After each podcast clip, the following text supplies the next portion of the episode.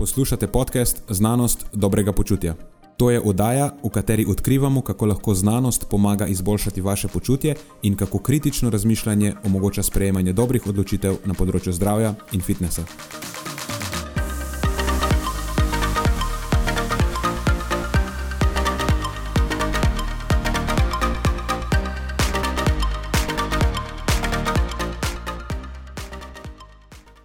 Preden začnemo, pa se moram zahvaliti še našim sponzorjem.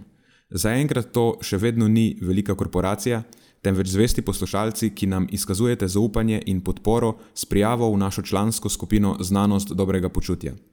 Hvala vsem, ki s tem držite luči prižgane in omogočate podkastu, da raste in postaja še bolj kakovosten. Hvala tudi vsem, ki nas podpirate s pozitivnimi komentarji in visokimi ocenami, ter s tem, da priporočate podcast svojim znancem in prijateljem. Zdaj pa je končno čas za začetek epizode. Uživajte ob poslušanju.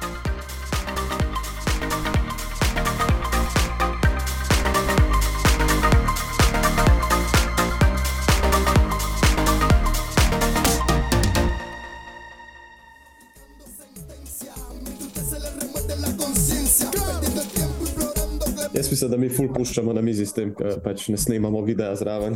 Veš, že sam ta tvoj ples v vodnem delu, to bi bilo tako. Magnet, magnet za, za higher reach. Misliš?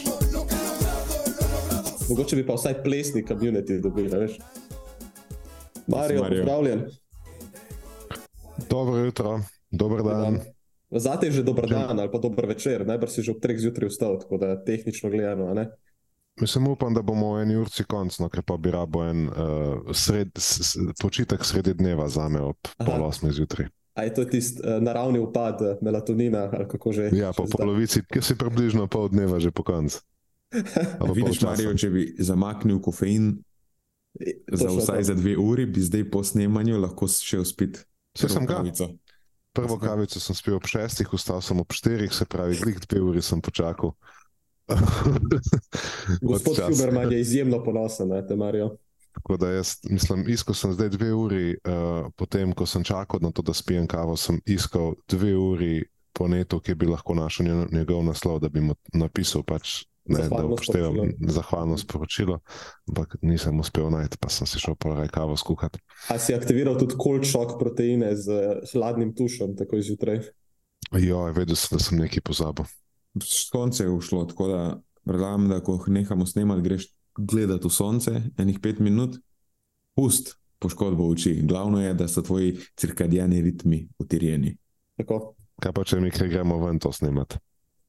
Dobimo se na eni, dobimo se na eni, to eni nočna mora za klopci v- editiranje. klopci v parku. Potem, da veš, nek tovornjak, ki gre mimo. Pa, Pa si lahko še jajca posončiš, to sem slišal, da vpliva pozitivno na Ja. ravni Na testosteron. testosterona. Ja. Ja, ja, sončenje testisov je, a veš, the next testo booster. Nekje je treba prioritete postaviti. Čakaj, kaj mi je nekdo poslal zadnjič? Da sončenje, ne vem, če poznam lepšo besedo, anus, da pa je ugodno vpliva na neki, ne vem, ne vem. To je zdaj nek trend med kiropraktiki, ja, ne vem, kjer množico šarlatanov, ampak is the thing, je. No, pa si tle greš lahko dva v enem, ne? če že sončiš testise, a veš, sej, samo kot moraš prilagoditi. Zamenjaš sam stran. Ne, ne, ne, joj, Matjaž, ne, ne, a veš, ne, ne moreš si pa ne predstavljati, kako o teh stvareh govoriš, tako da, a veš, ne bomo tako začeli. V redu, imam občutek, da bi lahko zašla ta debata. Imamo občutek, da je že zašla ta debata, tako da dajmo jo nazaj nacentrirati. V redu. Torej, tretja epizoda po vrsti, ko samo odgovarjamo na vprašanja. Na tej točki se bomo lepo zahvalili poslušalcem, ki nam pomagajo koproducirati podcast. Jaz sem izjemno zadovoljen s tem, da ne rabim brskati, o čem se bomo pogovarjali, ampak samo gremo po seznamu po vrsti, da se sez- seznam lepo polni, tako da poslušalci vabljeni, da pošiljate vprašanja. In ta epizoda, spet je Maruša, Patreonov, naš, naša Maruša, postavila odlično vprašanje, oziroma mogoče sta to celo dve vprašanji ali pa eno poglobljeno vprašanje. Razmišljal sem, da glede na to, koliko materijala smo že zadnjič, oziroma pred zadnjič je bilo to, iztisnili iz njenega vprašanja, to je bilo tisto o komu sploh lahko zaupam, če ne VHO, in kako se je pol iz tega razvila debata. Sumim, da se zna tudi tokrat zgoditi nekaj podobnega. Torej, s tem vprašanjem, ki je zdaj naslednjo na vrsti. Mislim, da lahko Maruši brez večjih zadržkov podelimo naziv občasne koproducentke tega podcasta. Mislim, da si bo dala to v opis profila. Ne vem. To je pa na njej. Njej samo mhm. pripada naziv, ona pa lahko naredi. Lahko je ponosna na nj, ali pa jo je lahko sram zaradi tega. Ne vem. ja, glede na start te epizode, je mogoče sram, ampak tako veliki luči, pa zagotovo ponos. Executive co-producer. Ok, gremo kar na vprašanje. Gre tako. Se mi zdi, da se v zadnjih letih, zlasti strani trenerk, vedno bolj opozarja na red S, to je relativno energijsko pomankanje v športu. Bi si upala trditi, da v nekaterih primerjih celo toliko, da se kot v narekovajih zadostno količino gibanja za posameznika, predvsem za posameznico, predstavlja količine, ki so še nižje od najbolj splošnih priporočil. Čeprav seveda pozdravljam idejo, da se naslavlja te težave, se resno sprašujem, ali je resen problem med splošno populacijo res tako prevalenten. Razumem izpostavljenost športnic in oseb, ki delamo v teh krogih, ampak pri svojem delu bist, več je, bistveno pogosteje naletim na dekleta in gospe, ki niti oddaleč ne dosegajo priporočil. Tudi kar se tiče prehrane, ja, so 24-7 na dietah in ne hujšajo, ampak ne zaradi nekih strašnih metabolnih prilagoditev, ampak ker nimajo razčiščenih osnov in vlagajo energijo v napačna vprašanja. Oziroma, tukaj je vrtno mišljeno, ukvarjajo se s tem, kar ni, ni visoko na lestvici prioritet, ko govorimo o regulaciji telesne mase. To je zdaj moj dodatek. In potem se nadaljuje to vprašanje, oziroma to je zdaj vprašanje, da zdaj iz tega dejansko neko konkretno vprašanje sestavim. Se vam, ki imate veliko širši pogled od mene, pri delu z različnimi populacijami, v oklepaju zlasti ženskami, zdi, da bi morali več opozarjati na red S, torej relativno energijsko pomankanje v športu, predvsem, ali je to bolj problem manjšine in je za nas, ki dosežemo bolj, v narekovajih, povprečno osebo, bolj smiselno, agresivneje še naprej spodbujati gibanje brez disclaimerjev o potencijalni pretreniranosti. Seveda upoštevajmo nijanse, individualizacijo in vse to, ampak mislim na splošno. Konec prvega dela. Kaj mislite, vidva? Vem, da mi dva z Marijo so se o tem v zadnjih dveh tednih kar precej pogovarjala, se mi zdi, čist slučajno. Malo, malo uspod. Malo uspod. In vem, da ima izobliko, izoblikovano mnenje, Marijo. Hm. Mislim, ja, imam neke okvirje, lahko ga postavim v neke okvirje. Um, bolj razmišljam o tem vprašanju. Zelo zanimivo vprašanje mi je namreč. Težko pa rečem, da imam nekaj, veš, da je čist, čisto izoblikovano stališče v tem smislu, kaj bi bilo zdaj najbolj pametno narediti. Ker vidim prednost tega, da se opozarja na redes. Uh, vidim, oziroma če pomislim na naše, na naše delo, na naše primere, imamo v mislih številne osebe, za katere bi bilo fejs koristno, če bi vsaj kje po kanalu naleteli na opozorila, da to, kar počnejo, jih lahko sem pripeljal, oziroma pripeljal do tega stanja, in za njih bi bilo vsekakor bolj primerno, če bi več strokovnjakov opozarjalo na to. Mi je pa zelo všeč pozicija, ki jo je temu vprašanju ubrala Maruša. Ok, ampak kak procent populacije, s katero se ukvarjamo, ti ljudje dejansko predstavljajo in nam mogoče ustvarjamo potem neko um, popačeno podobo o tem, kaj se v resnici dogaja. Mhm. Tako da tukaj vidim, da imamo v resnici kot vedno v naši branži težavo, da zelo pogosto izhajamo iz sebe in svoje prakse. To se spomnim že leta nazaj, ko so se pojavili prvi specialisti funkcionalne um, veje prehrane, ne? kjer so se zelo ukvarjali s črvesjem, pa z, z intolerancami, pa z raznimi nekimi posebnimi živili in njihovimi vplivi na naše zdravje.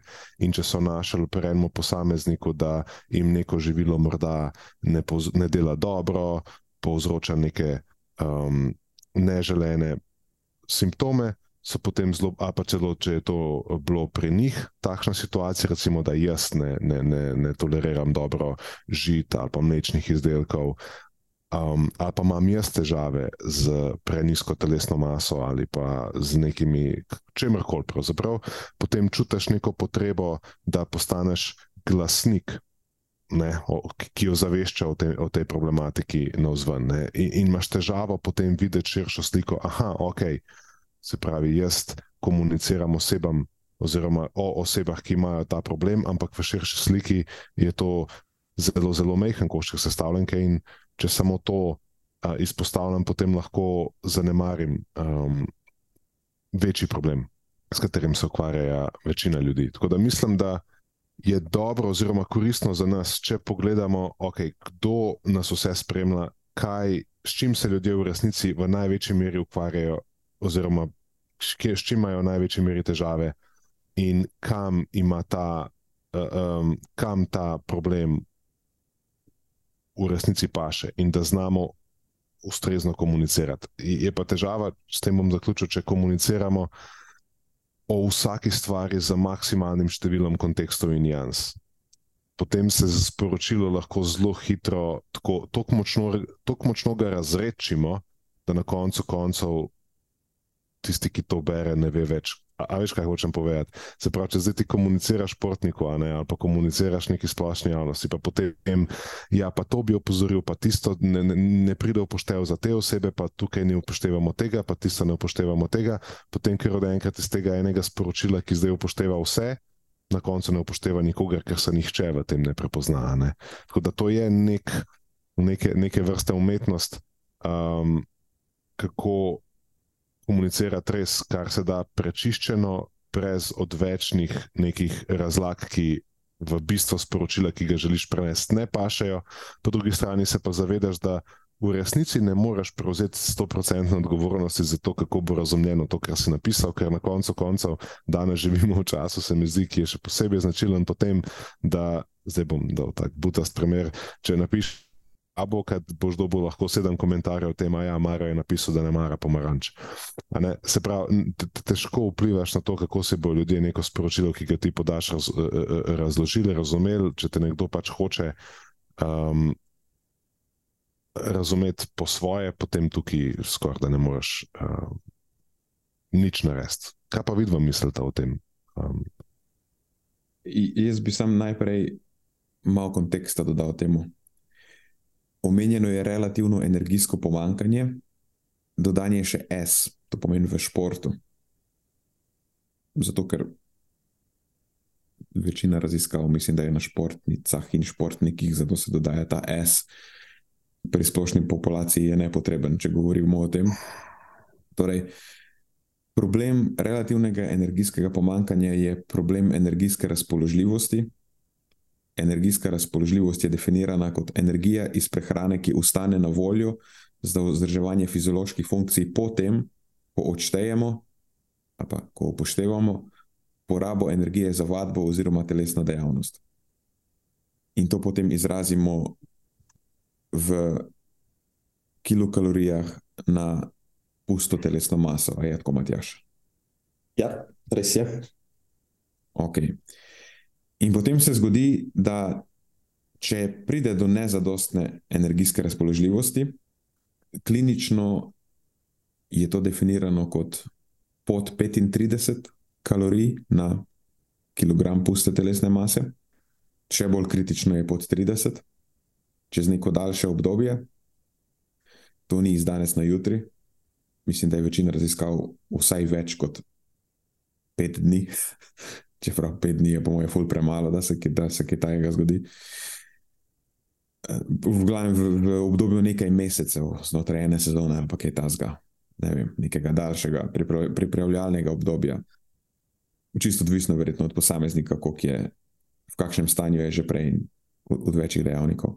No, v glavnem, nezadostna energijska razpoložljivost se lahko zgodi zaradi povečane energijske porabe, zaradi povečane stopnje telesne dejavnosti zaradi zniženega energijskega odnosa s prehrano, a pa neke ponavadi kombinacije obojega. To je tisti etiološki dejavnik fiziološke regulacije, ki se zgodi in se kaže v simptomih relativnega energijskega pomankanja oziroma nizke energijske razpoložljivosti. Čist na kratko je torej nezadosten vnos energije imaš in to zmoti normalno homeostazo pri ljudeh in pač ta učinek se še dodatno zaustri oziroma ga dodatno zaustrijo energijske potrebe, ki izhajajo iz športa ali pa vadbe pri splošni populaciji, ki se ne udejstvuje resno v športu. Mm, to, to je zdaj neko tako ozadje. Pač. Glede na svoje potrebe, ne uspeš pojesti dovolj. Basically. V osnovi je to to. Moje mnenje je tako, da, da smo v osnovi pravilno diagnosticirali bolezen, v rekovajih bolezen. Smo pravilno diagnosticirali problem, ampak smo predpisali napačno zdravilo. Ne vem, če je strašenje s tem energijskim pomankanjem pravo zdravilo za problem, ki ga imamo at hand, rečejo angliži pri roki. Ker problem je neprimerna prehrana. Pri splošni populaciji stopnja telesne dejavnosti ponavadi ni problem. Problem je pa, mogoče ne samo neprimerna prehrana, ampak neprimeren odnos do prehrane, ali pa razumevanje prehrane in neprimeren odnos do vadbe, ali pa razumevanje vloge vadbe v skrbi za zdravje. Mislim, da je to glaven problem in nisem prepričan, da ga bomo rešili z. Oziroma, sem predvsej pripričan, da ga ne bomo rešili s tem, da strašimo pred ali povečano stopnjo telesne dejavnosti, ali pa neko restrikcijo na področju prehrane. Gre se za to, da ljudje ne razumejo, koliko časa je potrebno, pa kaj so neke prioritete, v kateri je smiselno vlagati čas in na področju prehrane, in na področju vadbe.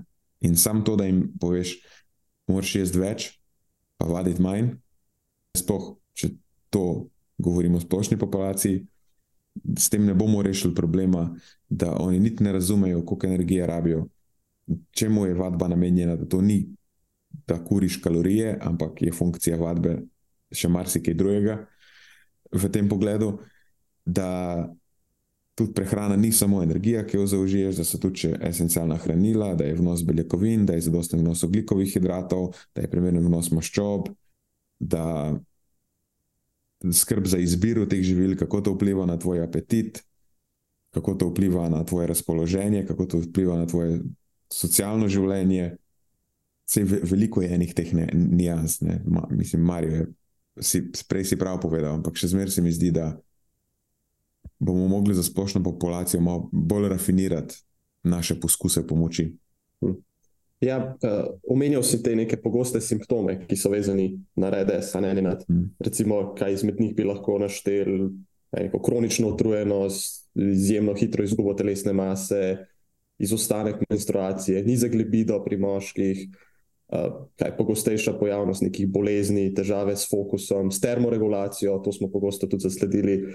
Marijo, mislim, da si ti omenjal v prejšnji epizodi podcasta tiste osebe, ki tako, zelo počasi mižikajo, se počasi premikajo Aha. po svetu in podobno. Uh, predvsej velik delež športnikov se sooča z vsaj enim izmed teh simptomov, zdaj je to specifično vezano na RDS ali ne, ni nujno opažamo pa pogostejšo prevalenco RDS-a, predvsem vsaj iz naše prakse, pa tudi v literaturi običajno zasledimo, da so tukaj najbolj na udaru vzdržljivostni športniki, predvsem športnice v tem kontekstu, ali pa športniki vezani na neke težnostne kategorije, kar se mi zdi, da je precej logično, odkot to izhaja. Um, niso pa to ravno neki simptomi, ki bi jih pogosteje opažali pri uh, generalni populaciji. Tako, tako da tako kot si ti rekel, Marijo, če se navežem na tvoj komentar, jaz ne vidim nič slabega v zaveščanju tega problema. A, tudi jaz to pozdravljam, tako kot je Maruša rekla, ampak seveda je treba postaviti jasno definicijo, na, na koga se ta zadeva sploh nanaša, ne, komu je smiselno to v končni fazi komunicirati.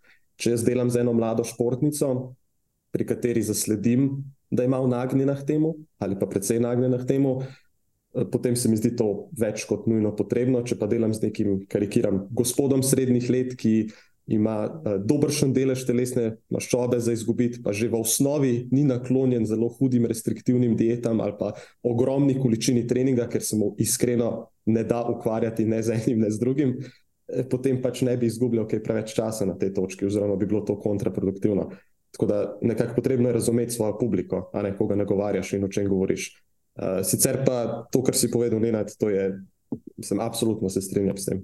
Um, o, o, o, nagovarjati je potrebno že v osnovi neko, um, kako mi je rekel temu, kako, kako sploh komuniciramo o prehrani in vadbi, s čim se je potrebno ukvarjati, kaj je čemu namenjeno in kako. Ne. Vsaj, ko delamo z generalno populacijo. ja, zdaj, ko razmišljam, se mi zdi, da red S doskrat sploh ni dobro razumljen. Oziroma, nasplošno, energijska razpoložljivost ni dobro razumljena. Ta energijska razpoložljivost, to je samo neka, kot če lahko rečemo, neka manifestna spremen, spremenljivka, ki jo ti lahko meriš. Ful enostavno jo je zmeriti. Preveriš, koliko energije je nekdo zaužil in poračunaš zadevo, glede na njegovo telesno maso, ki jo je spet a pa pusto telesno maso, tudi če pusto telesno maso, jo je relativno, relativno enostavno oduzeti, ko izmeriti. In potem temu pripišeš neke učinke. To se v raziskavu ponovadi zgodi. Ampak e, energijski vnos je lahko sam proksi nečesa. Ni nujno, da je to glaven razlog. Če ima nekdo nizek energijski vnos, je pač verjetno, da ima nizek vnos še nečesa drugega, ali pa neprimeren vnos še nečesa drugega. Ali pa da ima na prehrano take in drugačne poglede, da je njegova prehrana relativno restriktivna. Ne moreš pa na podlagi tega zvedeti, kakšen je njegov odnos do prehrane, veš, kakšen je vnos nekih ponavad, ni izmerjeno, kakšen je vnos beljakovin, kakšen je vnos oglikovih hidratov. In jaz bi rekel, da celo pri športnikih, spoh v nekem krajšem obdobju, ni, ni sama energijska razpoložljivost tista, ki je najbolj problematična, ampak vse to, kar izhaja iz nizkega energijskega vnosa. To je ena stvar.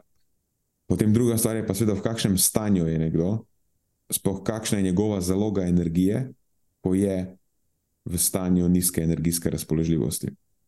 V praksi smo že videli, da, majo, da ljudje kažejo simptome relativnega energijskega pomankanja, tako kot je definirano v literaturi, tudi pri relativno da ne bomo rekli visoki normalni telesni masi. In zdaj tukaj se moraš vprašati, zakaj kaže simptome, če pa v bistvu njegova telesna zaloga energije sploh ni tako, pač njegovo telo ima za dosta energije na voljo. Včasih celo več energije na voljo, kot nekdo, ki ima precej nizko telesno maso, nizek odstotek, odstotek telesne maščobe, ampak ne kaže nobenih simptomov ker imata ta dva posameznika verjetno zelo različno prehrano in zelo, zelo različen pristop k prehrani. In jaz bi posumil, to je zdaj samo moja domneva, da simptome, ki jih sicer nasplošno pripisujemo relativnemu energijskemu pomankanju, da jih lahko pripišemo, ali pa da so v njih v veliki meri zaslužni tudi drugi dejavniki, ne samo energijski vnos, ki doskrat potem v literaturi niso merjeni in se upadajo s tem, da ima nekdo zelo restriktiven pristop k prehrani. Koliko obrokov ima, kako redni so, koliko beljakovin zaužije zraven, kako kakovostna je njegova prehrana, koliko drugih hranil zaužije skozi prehrano. In morda, vem, tudi temu, kakšen je njegov odnos do prehrane, koliko stresa mu povzroča njegova prehrana, koliko se obremenjuje s tem, koliko, koliko ta njegov bolj ali pa manj restriktiven odnos prehrane vpliva na njegovo socialno življenje, itd. itd. Se mi zdi, da je to nekaj, kar ni zajeto. In da ni zadost samo upozarjati na energijski vnos in telesno dejavnost, ampak na to, če imaš neko stopnjo telesne dejavnosti, kako jo primerno podpreš s prehrano. In tukaj je energijski vnos samo en dejavnik. To je neka najbolj groba ocena tvoje prehrane. Se mi zdi pa, da je upozarjanje na to usklajenost energijskega vnosa in energijskega energijske porabe, to ima prenisko resolucijo. Ponovadi pač tako najhitreje zadaneš. A pa je neka prva stvar, ki je zelo pomembna. Ampak ne vem. Zdaj, ko sem vajo poslušal, sem dobil občutek, da bi mogel biti tvoj komentar prej nad najprej, pa potem Matjažo in šele na to uh, moj, ker je bilo bolj pomembno, da razložiš o tem, kaj rede sploh je, pa Matjaž mogoče doda, kako je to v simptomatiki, a ne najpogosteje prepoznati. Jaz sem razmišljal pa bolj o tej poziciji, kako o tem komuniciramo tisti, ki smo nekako, a veš, v strokovni poziciji komunicirati o tem in kako poslušajo oziroma prejemajo informacije tisti, ki jih to zadeva. Tisto, kar sem slišal pred tebi, pa mi je bilo zelo všeč, je, da v bistvu je tukaj za posledico, ne vzroke, drge. To je samo ena izmed posledic, kamor lahko vodi nerazumevanje svojih prehranskih potreb ali pa neprimerno odločanje, oziroma neprimerno sprejemanje odločitev o svoje prehrani. In pač tam lahko končaš. Ne? Recimo, da nekdo je konstantno izpostavljen temu, da je, da so določena živila slaba, določena živila zdrava, da, da, da se da tako cukor je problem, eh, gluten je problem, eh, mlečni izdelki so problem, vse živo je problem, vsega se boji, prej si, upra, si uporabil besedo strašiti pred. Se pravi, od vseh strani se straši pred najrazličnejšimi rečmi pri prehrani. Po drugi strani pa recimo, da se spodbuja uh, k treningu po principu več je bolje go hard or go home, ne, če nisi pač čist polomna, nisi na ču resnici na redu. In zdaj ti v bistvu združi ti dve sporočili, ki, so, ki sta zelo močni na našem področju dela. In potem v resnici se zgodi to, kar si ti rekel. Posledično človek lahko konča v, v RDS-u. Pa ne, on bil športnik, rekreativen športnik, pač ne kakorkoli. Tako da v resnici se mi zdi malo tako, kot si napelo uh, backwards, ne, na, na glavo. Zdaj, a, a je problem, če preveč komuniciramo o RDS-u? Odvisno. Če je nekdo specialist, to je zdaj nekako moj pogled na to, če je nekdo specialist, ki se ukvarja s tem, recimo, da je nekdo to, to, to študiral, raziskuje to področje, pa je normalno, da bo o tem komuniciral. Um, In, in ne moramo pričakovati, da zdaj, aha, ti si vem, doktoriral iz tega področja, pa magistriral iz tega področja, s tem se samo ukvarjaš, ali pa z nekim ženskim reproduktivnim zdravjem, ali pa z moškim zdravjem, ali pa z športniki per se, in vidiš, da so v tej populaciji to zelo, zelo, zelo, da je to zelo velik problem. In vada, da boš na to opozarjal. In ne, mož, pač ne moramo zdaj pričakovati, a ja, kljub temu, da si ti specialist na tem področju, da poskušaj komunicirati fulbol generalno. To je, da bi pričakoval, da nekdo, ki ne vem, zdaj je specialist traumatologije, da ne komunicira o traumatoloških rečeh, ampak da ne komunicira o vseh rečeh enakovredno in jih zastopa enakovredno v svoji komunikaciji. Pač ni, ni glih. Um, tako da tukaj gre tudi za razumeti, kako informacije beremo in dojemamo. Ne? In zdaj to beremo pri nekomu, ki se specialistično ukvarja samo s tem problemom, ok, ali zdaj v splošnem kakšno je prevladujoče sporočilo v splošnem. In s tem se vračam nazaj, kakšno je prevladujoče sporočilo v splošnem. Tukaj se mi pa zdi, da delimo to, ta, ta pogled, da bi mogli komunicirati, ali pa bi se mogli poenotiti pri osnovah. Ne? Bi, bi mogli najti način, kako predstavniki naše stroke ne prilivamo benzina na ogen v tem smislu dodajanja še več nepotrebnih restrikcij, strahov, lažnih, zavajajočih pristranskih informacij, ki potem ljudi lahko pahnejo v najrazličnejše stranske ulice. Ena od teh je lahko redes, druga so lahko neke motnje prehranjevanja, ne, in, in, in tako dalje. In tako dalje Ali pa neka porušena samopodoba, neka nervoza, pretirano obremenjevanje s hrano. Vse to so neke stranske oziroma slepe ulice, kamor lahko končaš, če, če, če komuniciraš v osnovi neprimerno. Je pa to tudi spet, da veš ta nek osnovni človeški moment. Eh, svetleče nove stvari. Ne samo pri prehrani, kjerkoli naletiš na nekaj novega, nekaj, kar te pritegne, potem vsaj v nekem krajšem obdobju um, želiš pač temu posvečati več pozornosti, čeprav te to oddali od bistva. Ampak tudi na različnih drugih področjih. Zdaj se mi je utrnilo, um, da ta redes je na področju športa in prehrane nekaj, kar je bil pred kratkim burnout ali pa izgorelost. Aha, evo, na poslovnem burnout, področju. Tako, tako. Nisem našel dobre prispodobe, ki bi na drugem področju lahko to, to paralelo potegnil. Ker tam je šlo za neko neusklajenost ne vem, kapacitet, ki jih imaš na voljo, in tega, kar nekdo od tebe zahteva, ne vem, v službi ali pa na še drugih področjih življenja, in si potem začel kazati razne simptome. Neke stvari so bile tudi objektivno merljive, niso bile samo subjektivne narave, ker si ne, ti se počutil skozi frustriran, pa stresiran, in tako naprej. Sej, tudi psihološki stres se na fiziološke načine lahko kaže, če lahko karikiram. Ampak, veš, imaš posameznike, ki so delali 10-12 ur na dan, pa so se počutili s svojim delom izpolnjeni, pa se niso, niso bili frustrirani, niso zaradi tega občutili povišene količine stresa in niso bili izgoreli na koncu. Imáš pa nekoga, ki je mogoče že v osnovi malo manj odporen na stres, pa hodi, hodi v službo, ki mu ni všeč, pa mu tam šef teži, pa, a veš. Pa je delo bistveno manj ur, kot je on prvi, pa je bil na koncu izgorel. In zdaj bi ti lahko rekel, ok, tvoja. Um, ne vem, kako bi to vredno. Pač, samo če se v urah dela pogovarjamo, ti delaš preveč ur na dan in si zato izgorel. Ne, samo ljudje, ki več ur delajo, ponavadi pogosteje kažejo simptome izgorelosti, če je to sploh nek kliničen termin, izgorelost, ne vem, ampak whatever. Kažejo simptome izgorelosti, ker je število ur, ki jih delaš, zelo dober proksi, je nek svet to lahko izmerim, to je dobra manifestna spremenljivka, ampak obstaja neka latentna stvar tukaj zdaj, na neki to kaže, kar ne moreš izmeriti, kar je zate škodljivo. Mogoče imaš preveč zateženega šefa, mogoče imaš v življenju še neke druge stvari, ki potem ostajajo neurejene, zato ker preveč časa namenjaš ali pa te delo preveč prevzame. Mogoče nisi zadovoljen s tem, kar je narejeno, ali pa s svojim delom v osnovi. Ne vem, zdaj več ali manj hipotetiziramo, ampak vse veste, kaj hočem reči.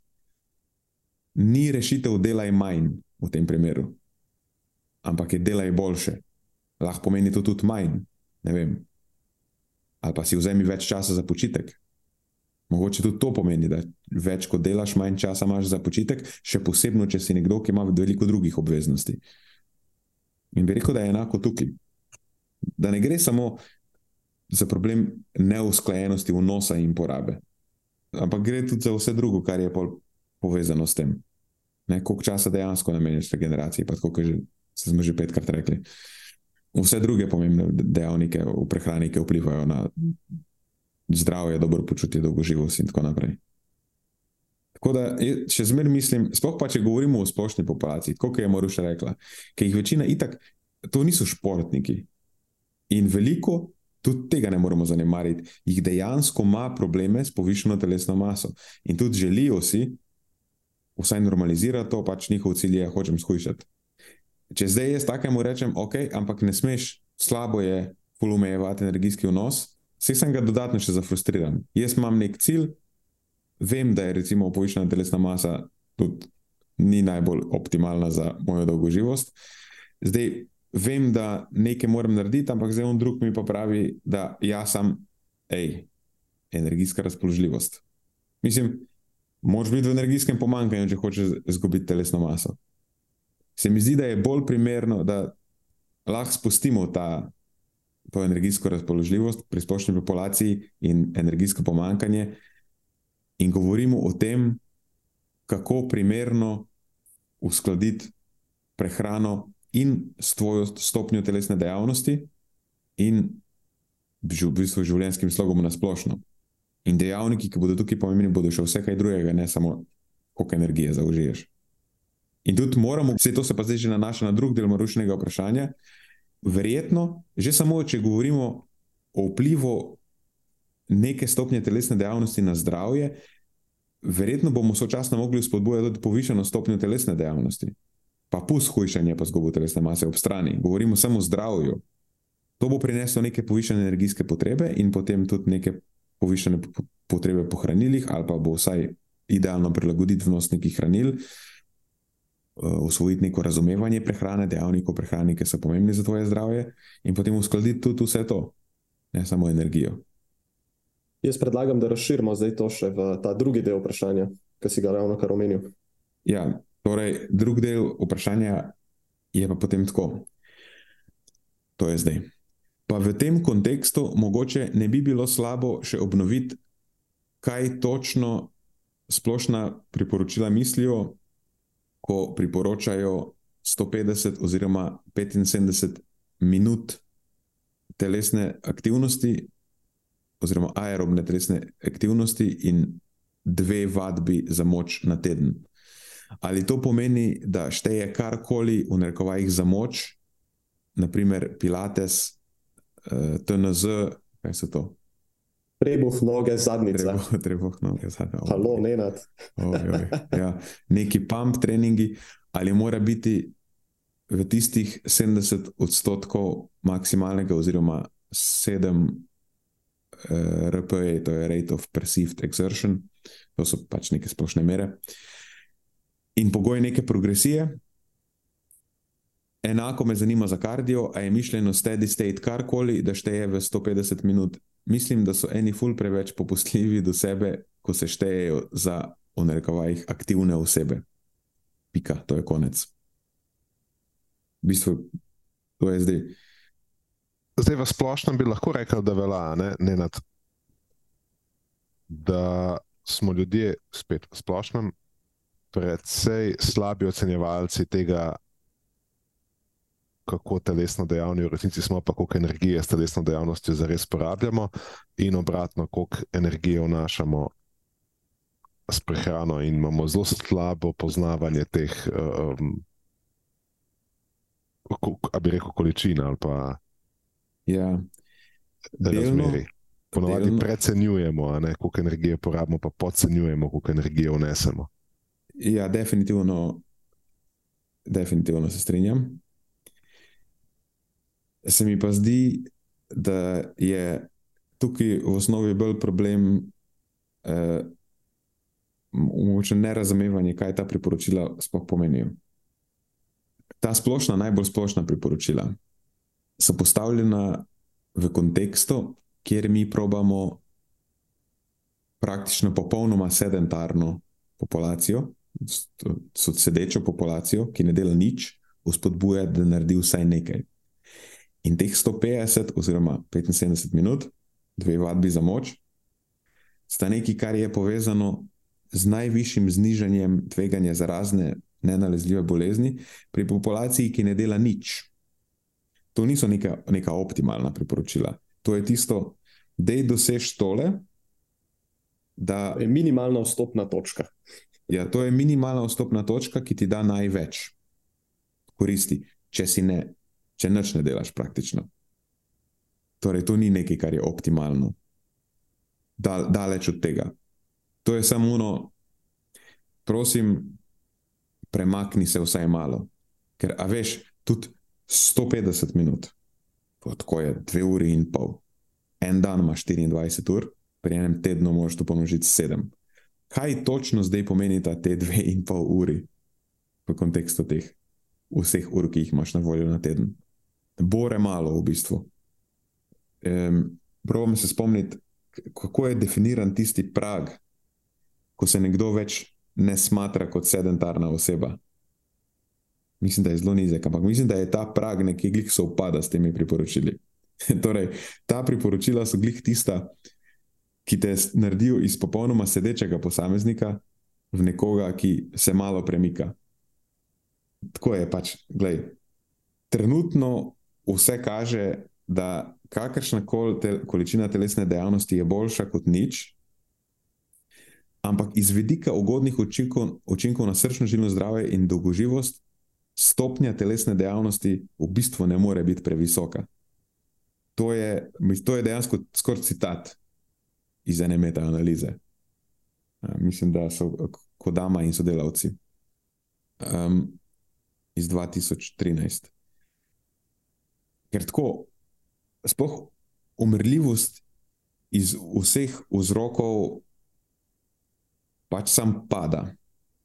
Ponavadi v teh raziskavah merijo stopnjo telesne dejavnosti s temi metabolnimi ekvivalenti.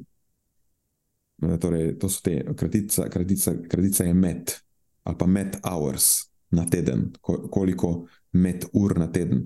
Zdaj ta metabolni ekvivalenti, če pravim to na hitro razložiti, je en metabolni ekvivalent, torej ena med ura je, koliko energije porabiš, če eno uro ne delaš nič. To je neka ocena tvoje bazalne presnove, recimo temu, give or take. In zdaj imaš nizko intenzivno telesno dejavnost, neko srednjo intenzivno in pa intenzivno, zelo intenzivno po, vse, kar je pod 3, je tako, malo se premikam, med 3 in 6 je neka srednja intenzivnost, nad 6 je visoka intenzivnost. In zdaj, če se vrnem samo na umrljivost iz vseh vzrokov. V večini teh metaanaliz, ki vzpostavijo od, ta, od, od merka odvisen učinek, je to samo ravna krivulja na vzdolj. Ko imaš podatke, glede na to, da se večina teh raziskav ukvarja s splošno populacijo, ponovadi imaš podatke čez vem, 50, 60 teh med ur na teden, včasih do 100, ampak tudi do 100, v bistvu za večino izidov ta krivulja sam pada.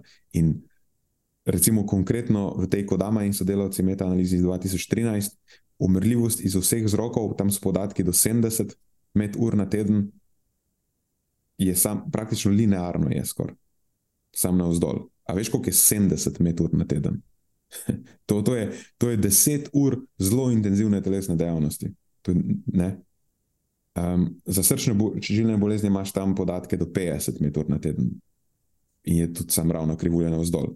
Če bi imel podatke za več, verjetno bi se sam nadaljevalo. Pač, če črto potegneš skozi, je ravno črta na vzdolj. In to je spet, to je, to je skoraj ajde, rečemo, 9 ur zelo intenzivne telesne dejavnosti na teden. In pol, vse imaš tudi, imaš tudi novejšo metaanalizo, uh, Grajdel in sodelavci, ki ugotavljajo zelo podobno. Tam celo imajo uh, neke podatke za določene izide do 100 met-ur na teden in je spet. Tam, ni, sicer, tam so pol ugotovili, da ni čist linearno, da imaš na začetku iz nič precej strm upad, oziroma imaš na začetku fulejnih ugodnih učinkov, pa se pa krivulja počasi izravnava. Ampak je fora, da se pri nekaterih izidih sploh nikoli, zgleda, da se nikoli povsem ne zravna, sploh pri izidih, kot je diabetes tipa 2, je zadeva ni glih čist linearna, ampak tako. Mal se splošči tam okoli 80 metrov na teden, to je spet več kot 10 ur zelo intenzivne telesne dejavnosti na teden. In tudi zanimivo mi je, na koncu so, to je zdaj ta izgrajdel in sodelavci te iz 2020 metaanalize, je, to je njihov, njihov zaključek, je, da rezultati potrjujejo naslednje lastnosti. To, to bom zdaj prebral iz članka. Rezultati potrjujejo naslednje lastnosti krivulje odmerka učinka na kronične nenalezljive bolezni pri odraslih. Prva je, oni so temu rekli, no threshold for positive effect. Torej, ni zaznanega spodnjega praga za ugodni učinek, torej, ampak spet znotraj nekih razumnih okvirjev, dejansko več je vedno boljše. In tako, kot pravim, njihovi podatki za nekatere izide so tudi do 100 metrov na teden. In bolj druga točka je, the most pronounced risk reductions occur between adults with little physical activity compared to those being physically inactive. Torej, najbolj izrazito znižanje tveganja se zgodi pri odraslih z zelo malo telesne dejavnosti, ne pri višji, kot smo rekli, stopni telesne dejavnosti, se začne krivulja malo izravnavati, ampak nikoli se čist ne izravna. In potem tretja, no negative effects on mortality at higher volumes of physical activity. Torej, v bistvu ni zaznanih nekih pri splošni populaciji, vsaj neugodnih učinkov pri najvišji stopnji telesne dejavnosti. Tako da to bi bili nekakšni zaključki na podlagi literature. In spet tukaj pa pol moramo upoštevati, zdaj pride prehrana v igro. Zdaj, če ti imaš povišeno stopnjo telesne dejavnosti, iz tega izhajajo neke prehranske potrebe, ki jih imaš.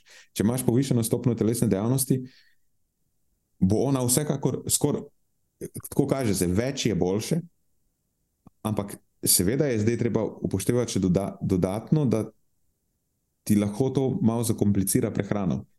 Na neke stvari moraš malo bolj popaziti. Pa ni to samo energijski vnos. ampak izhajajo še neke druge potrebe iz tega. Ne? Ti moraš pač povišeno telesno dejavnost primerno podpreti s prehrano in samim odnosom do prehrane, ki ga imaš. Jaz bi samo še eno stvar pripel k temu. Um, Marijo, prej si rekel, da smo precej slabi v ocenjevanju količine pokurjene energije med vadbo, pa ocenjevanju energijskega vnosa. Ne? Ampak meni se zdi, da smo precej generalno gledano slabi še v eni stvari, ki je mogoče malo bolj relevantna za ta del vprašanja in to je, kako subjektivno dojemamo utrujenost med vadbo. Mislim, da smo mi dva njena enkrat dala en primer na podkastu, kako eh, nekega varovanca, ki je recimo, malo bolj nov v tem fitness svetu, ki daš na počep, naredi neko število ponovitev. Pa ga vprašaš, je bilo to to?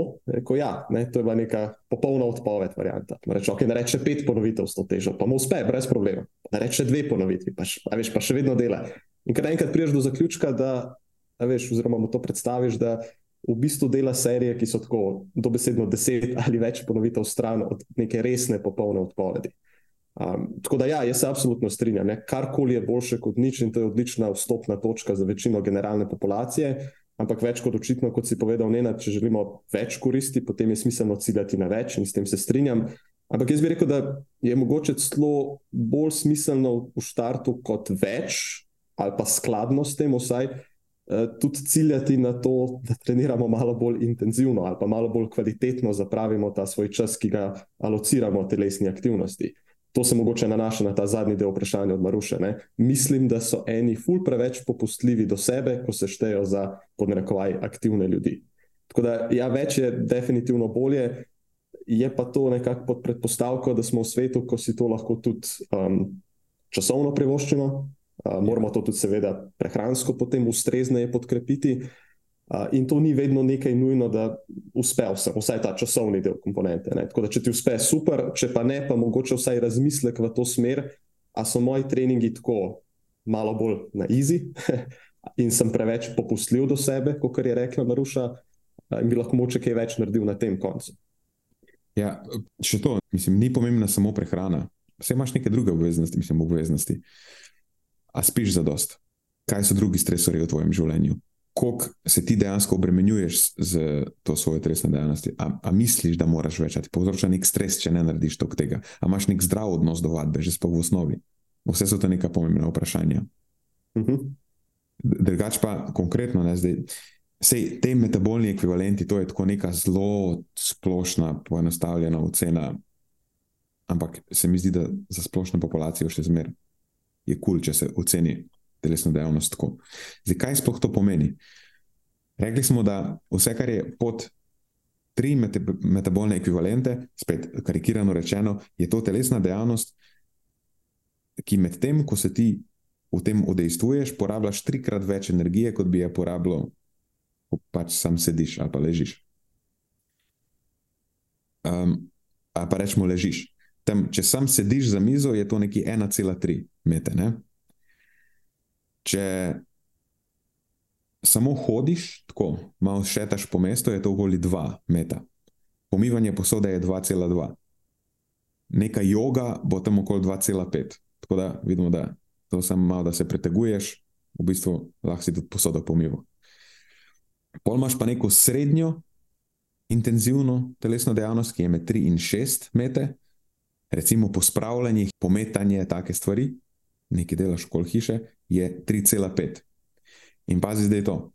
Vadba z bremeni, z lahkimi bremeni, to je zdaj primer, ki si ga recimo ti opisal, ko pač nekdo samo dviguje v teži, pa nikoli ne pride do odpovedi, je tudi 3,5. a veš, zdaj, a si pospravljal malo okoli hiše, malo po metu, a si prišel malo dvigniti neko težko, kratko, bi so zelo podobna stvar. Neka hitra hoja, bo okoli 5 metrov. Nek trening z bremeni, kjer dejansko narediš par serij do odpovedi, pa tako se kar zadihaš, bo tudi okoli 5. Neko naporno delo, recimo neko fizično delo, kjer dejansko dviguješ, tako se zašvicaš med tem, kaj delaš, ful. se zadihaš, bo tudi 5. Um, ehm, plavanje, pa ne zelo intenzivno plavanje, ampak uno, da se tudi zmatraš, bo okoli že okoli 6, torej smo že na zgornji meji tega srednjo intenzivnega. No, pa, pa intenzivna telesna dejavnost je pa tako, ali zelo hitra hoja, tako da res una, res hitra hoja. Bo tam nekje nad 6, kaj pa zdaj, mogoče 6,3. In potem imaš kolesarjenje, ki je, je 12 do 14 mil na uro. To je kar hitro kolesarjenje. Po ravnem terenu bo okoli 8 metrov. Nek krožni trening um, bo tudi 8, e, tenis bo 8. Kopanje jarkov je v kompendiju navedeno kot 8,5. In pa imaš pa ekipne športe, kjer imaš nekaj sprinte, tako veš, da se lahko full zmatraš, bo pa že okoli 10.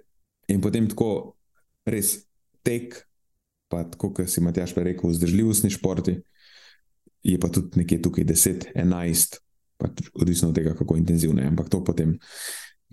Tek, pa kolesarjenje, pa to je smiselno meriti že na neke druge načine, ne, ne s temi meti. To je tako v najbolj splošnem. No, in zdaj lahko vidiš, če to daš v kontekst tistih med ur na teden, ne, ki smo jih prej obravnavali, če hočeš priti do 100, lahko 10 ur na teden igraš futbol. Pač vidimo, da realno lahko človeško telo je deležno kar nekaj gibanja, če je to ustrezno podprto, z vsem ostalim, pa bo to še zmeraj koristno za nas. Vse kot tako človeško telo je stroj za gibanje. Ta zadnji stavek se mi zdi zelo pomemben, tako da bi ga še kar poudaril enkrat. Zdi se mi, da je res tako bistvo, bistvo v eni povedi. Da, da, da človeško telo lahko v nekih okoliščinah, kjer ne govorimo o omejitvah, poškodbah, eh, ne, takih rečeh, kjer obstaja pač neko, neko omejitev v gibanju, ampak je sposobnost handlati, ker je precejšen. Ker je ja. precejšnja obremenitev, če je ustrezno podprto. podprto. In tudi, veš, Marijo, zdaj zadnja dva, te, dva tedna, ne vem zakaj, mislim, se upada to vprašanje s tem. Samo smo se kar precej pogovarjali o tem. In se spomniš, da sem jaz rekel, da na tej točki je v bistvu moje stališče, da vse, kar je manj kot ena ura na dan, je suboptimalno. Ja, ja, se spomnim. Ampak predvsej daleč od tega. Ampak moraš zdaj upoštevati. Ja, ena ura na dan, ampak s to eno uro na dan pride zraven obveznost, da to eno uro na dan podpreš drugače, da prilagodiš prehrano, da bo zdaj temu primerna.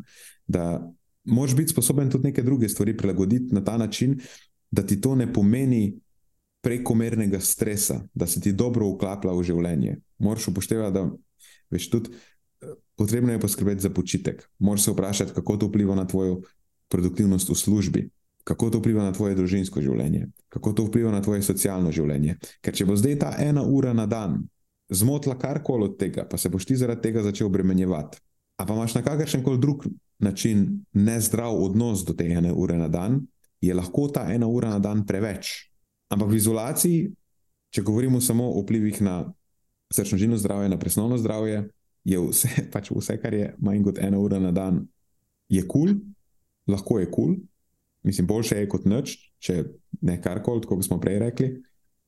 Ampak ne bi pa bilo slabo, če bi se lahko vsak od nas premikal vsaj eno uro na dan zelo intenzivno. Meni so se te smernice za gibanje, oziroma eh, telesno dejavnost, zdele podobne smernicam za prehrano. Tako pač so neka priporočila, so neke usmeritve, če bi jih ljudje upoštevali, bi bili generalno na boljšem, ampak nihče ne dojema svoje telesne dejavnosti tako, da računa mete ali pa šteje minute, koliko je zares aktiven, in tudi pri prehrani, recimo, nihče ne šteje svojih enot, polnovrednih oglikovih hidratov ali karkoli že v svoji prehrani. In to, kar si omenil, zdaj se mi zdi tudi pomembno, ne, kako to pol vpliva na vse ostale. Elemente tvojega življenjskega sloga, znaš te stvari potem prilagoditi, znaš v različnih situacijah, v katerih se znajdeš, a, a, potem izbrati, ali ne, ali ne. Se pravi, zdi se mi tako zelo splošno in lahko rečemo, da bi bilo bolj mogoče celo kot na same te smernice posvetiti pozornost na to, kar je tudi Matjaš izpostavil, na kvaliteto samega dela, ki je upravljeno, a, morda ne samo na, na, na količino in na to, kar se ti izpostavil, ne nad. Okay, če pa že recimo, imamo odkljukano količino in kvaliteto, a upoštevamo the big picture, ne? a to ustrezno potem podpiramo tudi z uh, recimo, regeneracijo, prehrano in, in vsem ostalim. Da, da to potem naredi, naredi ali pa zlomi. In jaz mislim, da je še en zelo pomemben dejavnik. Spet, večkrat sem že to omenil, odnos, ki ga imaš do telesne dejavnosti. Angliži bi rekli: I cannot stress this enough. Vprašaj se samo, kaj se zgodi na dan, ko ne delaš nič. Okay? Kakšne občutke ti to povzroča? A se zdaj ful stresiraš zaradi tega, da ne počneš nič? Ker tako ne vem, ne vem kako to drugače pojasniti, ampak moraš imeti nek skoraj jebi veterski odnos do te, te svoje vadbe. Če, če obravnavaš to vadbo kot neko obveznost, si zjebo, si že na začetku, ne, nekaj ni v redu. Smiselno je najti neko uživanje najti neko obliko telesne dejavnosti, ki, ki ti je všeč, ki jo rad počneš, ki sicer ni panika, če je ne počneš, ampak se veseliš, ko boš lahko spet to počel naslednjič. In po, po se to zgodi mimo grede. In tudi lažje potem, pa neko notranjo spodbudo imaš, da to stvar potem tudi ustrezno podpreš. Veš, da ok, če bomo, a veš, hotel iti na, ne vem, plesati na žur v petek zvečer, je fajn, da se veš, prej naspim, pa da se tudi primerno nahranim. A veš, kaj hočem reči. Ali pa ne, če komaj čakam, da bom, da bom spet šel malo kolesariti, pa da bom užival v tem, ne bom se šel ubiti tja. Ampak bom tudi prej poskrbel, da bom bolj užival med tem kolesarjenjem, ker ni namen, da se ubijem med kolesarjenjem, ampak da se imam fajn.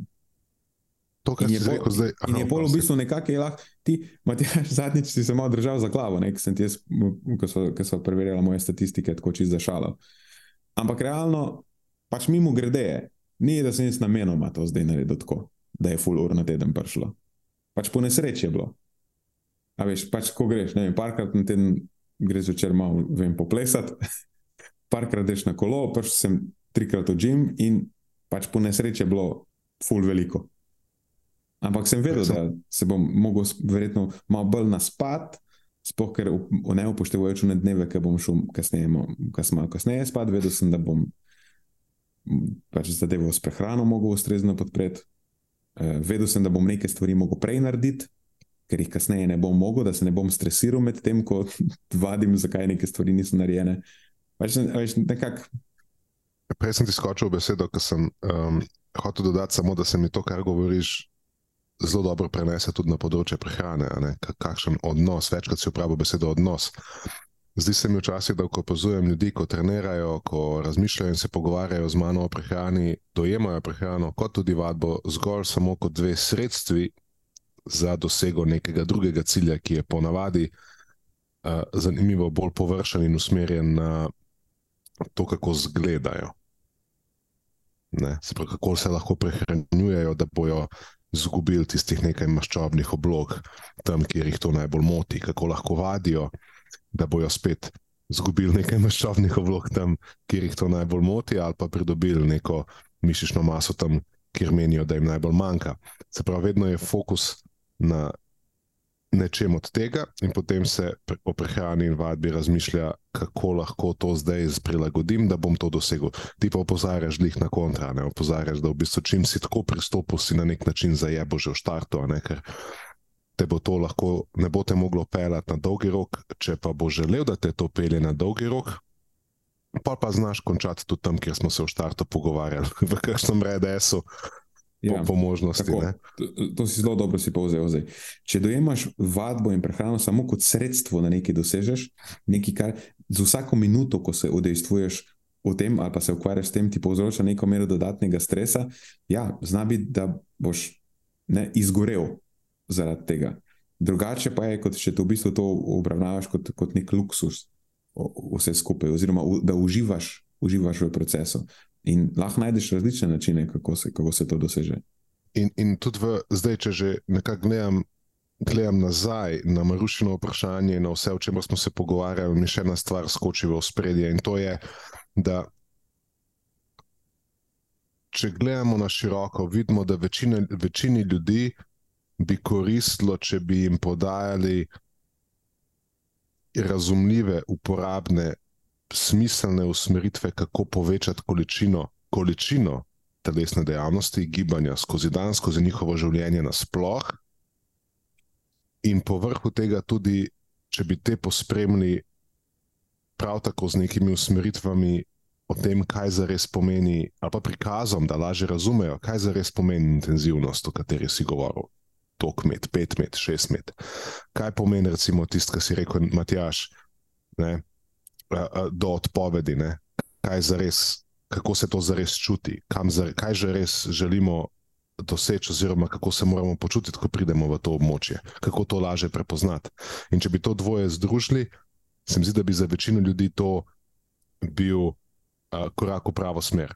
In če večino časa komuniciramo na tak način, to še ne pomeni, da pa potem je za vse ljudi v vseh situacijah to koristno. In ko prepoznamo, da pa za kakšno manjšo skupino ljudi ta isti na svet ni koristen, da znamo to ustrezno predstaviti, odmakniti stran in reči, to je pa zdaj nekaj, kar velja za to pa to populacijo. Če se, veš, postaviš jasne ukvirje, za koga velja to in za koga velja to. In če v tem nismo jasni, potem lahko pride do te, še lažje pride do te zmede, da ne se ljudje prepoznajo v napačnem sporočilu. In enako potem velja tudi, bi rekel, na področju prehrane, ko smo govorili o RDS-u. V splošnem se mi zdi, da bi ljudem koristilo, če bi jim, če bi jim ponujali usmeritve, kako ne bi razmišljanje in odločanje na področju prehrane v odgovornem smislu izgledalo odgovornem smislu do svojega zdravja, v odgovornem smislu do tega, kar nas v življenju zares veseli, da se to ne zanemarja, kako zares izgleda neka uravnotežena prehrana, kako jim približati razumevanje svojih energijskih potreb, kako jim približati razumevanje um, tega, koliko energije dejansko vsebuje hrana, ki jo izbirajo, namesto tega, da jim kot rešitev ponujemo samo maj fitness pal ali podobno. Um, se pravi, da, da, da začnemo komunicirati bolj, rekel, da jim približamo bolj te temelje in, in um, osnove. Potem pa, ko govorimo o neki taki specifični temi, kot je naslavljamo osebe, ki imajo, uh, ajde, spadajo v sem v ta redes. Um, stolpič, ali pa vem, imajo intoleranco na laktozo, ali pa imajo celjakijo, ali pa imajo neko drugo specifično težavo, zaradi katere so izuzeti lahko iz tega sporočila, spet to ustrezno okvirimo, da bi preprečili, da, um, se, da, da, da, ta, da te usmeritve povzemajo tudi širša množica. Sem bil tukaj, ko, sem, sem, sem bil koherenten, ne vem, da tam je povedati, je bil to smisel se pravi, da, se, da, da, ohranimo bistvo, da, da ohranimo zavedanje o tem, kje je bistvo, s čim imajo ljudje večinoma težave in da to naslavljamo, če smo v poziciji, kot smo mi, komunikacije, in da takrat, ko pa komuniciramo o specifičnih rečeh, smo toliko bolj pozorni na uh, ukvirjanje tega na način, da bi preprečili, da se usmeritve, ki jih podajamo na tem področju, prenašajo na splošno populacijo. Recimo, celjakija je tak konkreten primer. Ne. Če začneš uh, vem, strašiti pred lutenom, pa pred žiti, ker nasploh, potem ne, lahko za, prepričaš v to še koga, ki sploh ne rabi s tem komunicirati svoje prehrane. Če nisi bil jasen v tem, komu je to namenjeno in komu to ni namenjeno in zakaj. Ja. No, in na tej točki relativno energijsko pomankanje je stvar, ki je specifična za športnike. Mislim, da nimamo s tem kaj upletati pri splošni populaciji. Če sem lahko za konec malo kontroverzen. Jaz sem lahko tudi malo kontroverzen in rečem, da razlog, zakaj ne moreš skušati, ni v tem, ker premalo ješ. Um, najverjetneje tudi ne v tem, ker preveč treniraš in premalo ješ, in je to pobrkalo tvoje hormone, in zdaj zaradi tega si v starvation mode in zaradi tega ne moreš skušati. Ampak to je nekaj, kar ponovadi ljudje pole. Jaz toliko malo jem, da zdaj se je moj metabolizem prilagodil in upočasnil, in to je zdaj razlog, zakaj ne morem skušati. Ne? Ja, in če sem iztresiran od svoje prehrane. In... V bistvu sem tako iztresiran, da kar malo tako ne hoče pozabim na vse neumestne prigrizke in binginge in, in, in koktejle uh, v petek in soboto zvečer. In... in potem obdobja prekomerne restrikcije in obremenjevanja s prehrano, in zdaj sem čist na dnu. A dam lahko en primer za konec, ker včasih rad zapeljem to z nekim primerom, ki je resničen iz enega pogovora z eno zelo vplivno uh, priznano, uspešno podjetnico, s katero sem um, se srečal dva dni nazaj. In um, mi je predstavljala način, kako ona uspeva uravnavati svojo formo. Rekla je, pač ob nedeljah jem vse sladko, tako pojem, kako lahko in sam sladko jem. Se pravi, ko rečemo sladko, veste, ves, kaj mislim, kaj in kaj ljudje mislijo, ko rečemo sladko.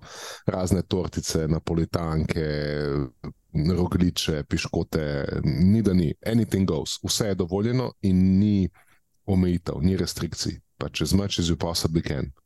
Da bi potem nadaljnih 36 ur, začenši s ponedeljkom, ko se zbudi, jedla nič ker pa takrat kao telo in prebava in presnova počivata. To je nadpoprečna inteligentna in poslo, poslovno uspešna in priznana oseba, ne? ki je pri 50-ih se ji zdi tak način, um, pa tak odnos do prehrane in tak, tak način, tako meni to funkcionira in v tem ne vidi luken. Poleg tega trenira 10 do 14 treningov na teden, pravi. Kombinacija vadbe za vzdržljivost, vadbe za moč. Um, Kaj je to, več kot dva na dan? Ja, 10 do 14. In zelo je naklonjena k ekstremnim obremenitvam. Če grem peš na kavo uh, v Koper. tako z umestnimi postajami, take foreje. Ja. Pač, tako, recimo, ljudje, ki so nagnjeni k ekstremnim obremenitvam. Um, ja, svojem, mislim, ja, in zdaj se vprašaj, se pol, ja. čez, čez eno leto, zakaj sem izgorel, pa ja. kažem take in drugačne simptome. No, sam hočem reči, da se pogovarjamo. Veš, o, o, in tukaj bo, bo nekdo rekel, da ja, problem je eh, relativno energijsko pomankanje. Tako, gdje sem, evo, ja, to je. Hvala. To ja, je glavni problem. No, no glih to sem hotel zapeljati. In vidiš, nekdo, ki potem sprejema neke take načine reševanja svojih prehranskih ali vadbenih zagatane. Zdaj, kako bomo začeli? Bomo začeli z naslavljanjem RDS-a. Recimo, ko sem se s to osebo pogovarjal, potem smo ugotovili, da niti ne ve, kaj so za res beljakovinska živila, kaj šele koliko beljakovin v resnici potrebuje za podporo svoje telesne dejavnosti v takšnih meri in s takšno intenzivnostjo in frekventnostjo. Niti ne razume, ne, zakaj so vodikovi hidrati potrebni in se jih v resnici izogiba, raje izbere oreške v solati na mesto krompirja kot prilogo, zato ker pač krompir je vodikov hidrat in se po šesti uri ne je. Ne? O, o maščobah nima nobenega, o, um, nobenega razumevanja v smislu, kaj, ne, način razmišljanja o maščobah je, ja, sej, če je pa od onega modela, ki ga poznam, na visu olčno olje, pa je pa bolj zdravo in pač to lahko jem, ko krčem. Ne? Tako da ne, se pravi, nekdo, ki v bistvu nima res nobenega razumevanja, pa slabo razumevanje osnov in, in, in, in potreb in to, kar si prej govoril, če si tako telesno dejaven, moraš to podpreti na drugih, na drugih de, ne, področjih svojega življenja. To ne funkcionira. In pa pač končaš nekje, kjer ti ni všeč, in potem se ukvarjaš s tistim, kjer si pristal, namesto da bi se ukvarjal z ne, potjo in vzrokom, zakaj si sploh tja prišel. Ne. Ampak to je tako. Ni, ni tako seksi, ni tako privlačno, ni tako včasih tudi, če izhajamo iz čist nas, ljudi, lahko razumem, da nam je ponovadi kaj drugega bolj simpatično, kot pa to, da, nekdo, da nas nekdo toče po glavi s kao osnovami. Pač mi, mi pa smo ja, če se dojemamo kot napredne, kot nadpovprečne, potem pa smo itak above di osnove, mi osnove, tako kot že štekamo v iPhone. Sploh pa vsak od nas bi rad bil neka posebna snežinka. Ne, vsak od nas bi rad bil. Za me nekaj drugega, jaz sem poseben. In potem nekako se skoraj da počutimo ponižane, ko nam nekdo reče, da nas bo poučil o osnovah, ker pa to je za one, a ne. Jaz nisem on, jaz sem nekaj več, jaz rabim nekaj več kot so osnove, jaz rabim napredne uh, vsebine. Ja, ampak, če vse to zdaj za, za zaključek probujem destilirati v en, eno poved, pa mogoče dve, je, da pravilno smo diagnosticirali bolezen, ki je neka neusklajenost naše prehrane, pa telesne dejavnosti, pa vseh ostalih dejavnikov življenjskega sloga. predpisali smo pa napačno zdravilo. Torej, ukvarjanje z energijsko razpoložljivostjo ni ustrezno zdravilo za ta problem, ki ga imamo. Pa bi se strinjal s tem, Mato. To je to. Pa si imaš še ti kakšno misel, ki. Ne, pa tudi če bi jo imel, jo ne morem dati, ker nam je zmanjkalo časa. ja. Ok, to je to.